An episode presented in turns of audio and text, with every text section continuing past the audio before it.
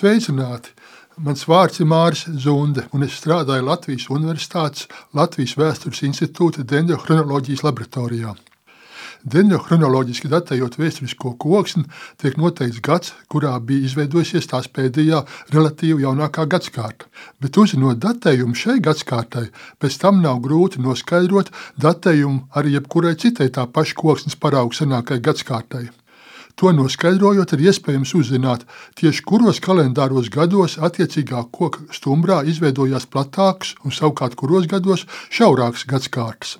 Bet vai tu zini, kāpēc koka stumbra gadskārta platumu var raksturot arī laikapstākļus pagātnē? Kā zināms, lai augtu, to skaitā arī koka augu labi augtu, ir jābūt pirmkārt pietiekami augstai gaisa temperatūrai, otrkārt atbilstoši mitrai un ar nepieciešamajām barības vielām nodrošinātai augsnei, un treškārt arī pietiekamai gaismai.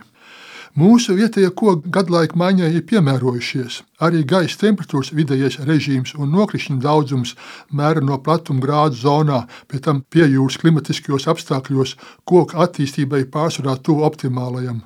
Tāpēc, it īpaši mūsdienās, kad piedzīvojam strauju klimata globālo sasilšanu, vairums vietējo koku par to augšanai nepiemērot faktoru ietekmes gadījumiem vienlaicīgi un izteikti, tā vienkāršāk izsakoties, sūdzas retāk nekā senāk.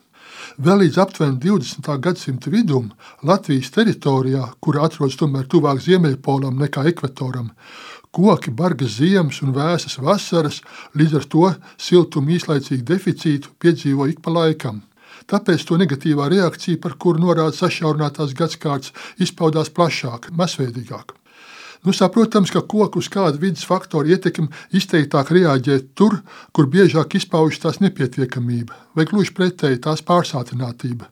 Nu, piemēram, Skandināvijas valsts teritorijā ir raksturīgs salīdzinoši īsas vēsas vasaras, tāpēc tur augošo priežu gadsimtu platumu visbūtiskāk ietekmē tieši vasaras mēneša gaisa vidējās temperatūras un to pārmaiņas.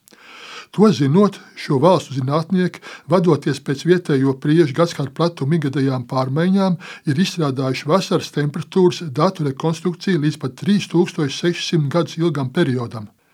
Vairāk uz dienvidiem izvietotajās teritorijās priežu augšanu kavējošais faktors vairs nav siltuma nepietiekamība, bet tieši otrādi. Bieži vien gaisa siltums, reizēm pat karstums, vienlaikus ar sausumu, izraisa augstnes mitruma nepietiekamību.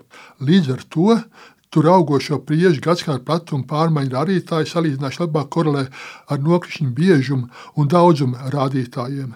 Un kopā ar saviem kolēģiem Latvijā, dendroekologiem, esam apstiprinājuši, ka Latvijas teritorijā, nu, tāpat kā abu pārējo Baltijas valstu, arī Polijas, Vācijas, vismaz Krievijas rietumdaļas teritorijās priežu gadsimta platumu visbūtiskāk ietekmē gaisa vidējā temperatūra attiecīgā gada pirmajos 3-4 mēnešos. Tas nozīmē, ka pēc vietējo priežu gadsimta platuma salīdzinoši visprecīzāk var noskaidrot gadus, kuros ir bijušas bargas un ilgstošas ziemas vai augsts pavasaris. Arī šī informācija ir nozīmīga, jo šādi laikapstākļi senāk bija bieži saistīti ar cilvēku dzīves apstākļu pasliktināšanos, tiem sekojošu neražu, varēja būt bats vai slimību izplatīšanos.